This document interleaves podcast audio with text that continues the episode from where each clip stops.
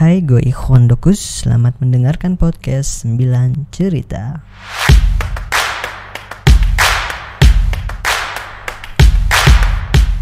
Hai, uh, saat ini gue pengen cerita tentang pengalaman gue melihara hewan. Salah satu hewan yang pernah gue pelihara adalah hamster. Kalian pernah melihara hamster? Nah, jenis hamster yang gue pelihara adalah Syrian dan sampai saat ini gue masih melihara hamster Syrian ada dua jenis Syrian yang gua yang ada di gua yang selama ini gua rawat yaitu Syrian short hair dan Syrian long hair. Perbedaannya adalah di ukuran uh, apa ya ukuran rambutnya atau kelebatan rambutnya seperti itu. Jadi Syrian short hair ini hamster Syrian yang memiliki rambut pendek sedangkan Syrian long hair adalah hamster Syrian yang memiliki rambut panjang atau kalau di kucing uh, mirip dengan kucing Angora seperti itu.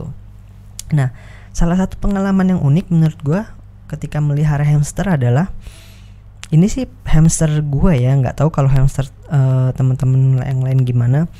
Jadi karena seringnya gue ngajak hamster gue untuk main bareng gitu, karena kami sering main bareng gue ajak mereka keluar dari kandang interaksi bareng dipegang bareng. Eh, bukan dipegang bareng. Maksudnya gue gua pegang hamster gue gue sering handle gitu kan. Dan gue gua pakai pakai nama juga mereka. Jadi mereka terbiasa untuk dipanggil gitu.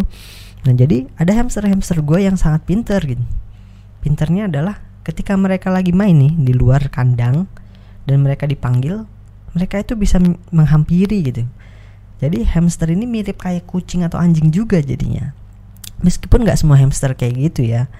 Jadi kembali lagi semuanya tuh berdasarkan karakteristiknya masing-masing karena setiap jenis juga kan setiap jenis hamster tuh punya karakteristiknya masing-masing dan satu spesies pun mereka punya karakteristiknya tersendiri jadi antar individu tuh beda-beda karena dulu ada hamster gue yang memang gampang banget dipanggil ada hamster gue yang bahkan bisa pulang sendiri ke kandang ntar gue ceritain lebih jelas ya. Terus ada juga hamster yang suka minum dari gelas gitu dari gelas minum uh, orang dewasa.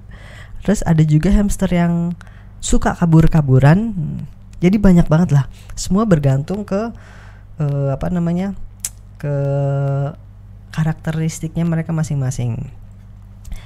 Yang paling unik adalah uh, salah satu menurut gue yang paling unik hamster yang bisa main di luar kandang jadi gue ajak dia main keluar kandang. Kemudian gue gua kasih partisi gitu gue batasin area bermainnya.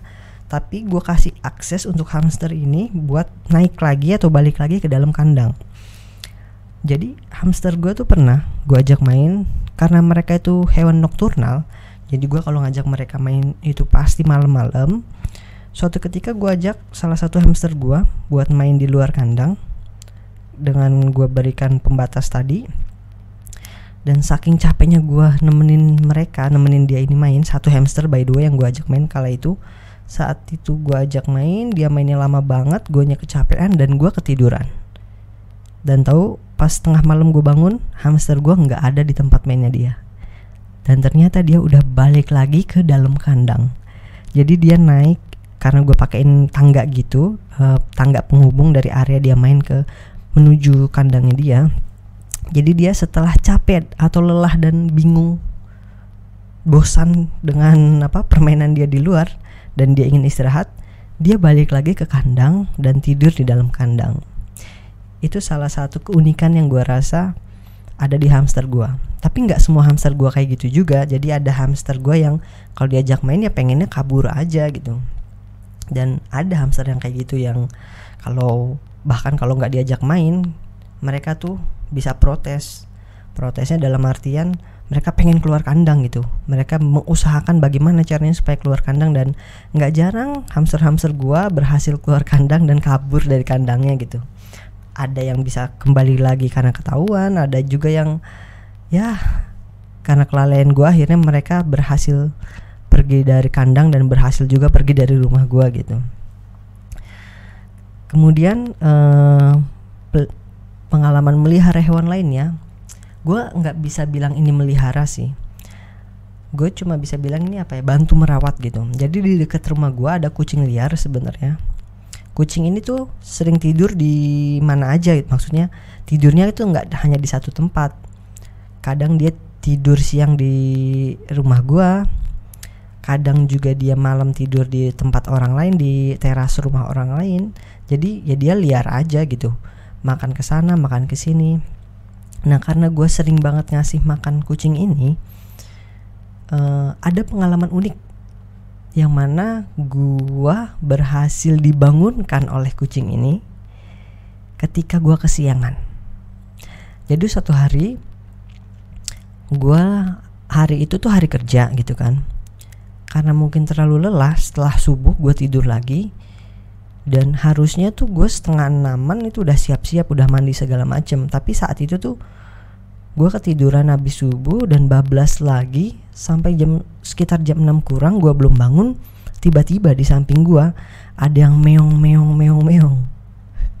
Jadi kucing tadi tuh kucing yang biasa gue kasih makan tiba-tiba dia masuk ke rumah gue dia masuk ke rumah gue pagi-pagi jam 6 kurang dan meong-meong di samping gue karena suaranya dia ini yang bikin gue apa namanya tidur gue terganggu alhasil ya gue bisa bangun bangun saat itu juga dan ketika gue lihat jam wah gue udah kesiangan nih dan gue harus berangkat kerja gitu.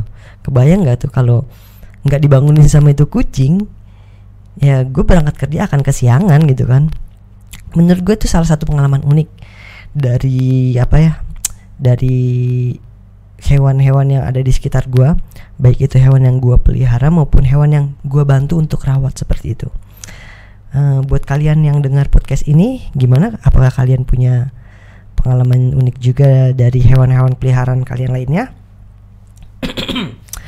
Ah, ini suara gue mulai-mulai hilang-hilang karena maklumin aja gue take video ini saat puasa Ramadan. Oke, gitu aja deh uh, pengalaman gue terkait hewan peliharaan. Pesan gue sih, kalau kalian ingin melihara hewan atau kalau kalian memutuskan untuk memelihara hewan, jadikan hewan peliharaan kalian nggak hanya sebagai sebatas makhluk hidup yang tinggal bersama kalian. Jangan jadikan hanya sebatas itu gitu. Kalau bisa jadikan dia sebagai bagian dari keluarga kalian. Jadi kalian kalian itu nggak hanya memberi mereka makan, tapi kalian juga berikan mereka kebutuhan lainnya seperti kasih sayang, rasa aman gitu dan lain sebagainya. Dan gue yakin banget ketika kita memberikan hewan-hewan ini apa yang seharusnya mereka dapat, mereka pun mereka pun akan membalas ke kita dengan caranya mereka masing-masing. Terima kasih telah mendengarkan podcast 9 cerita. Dadah.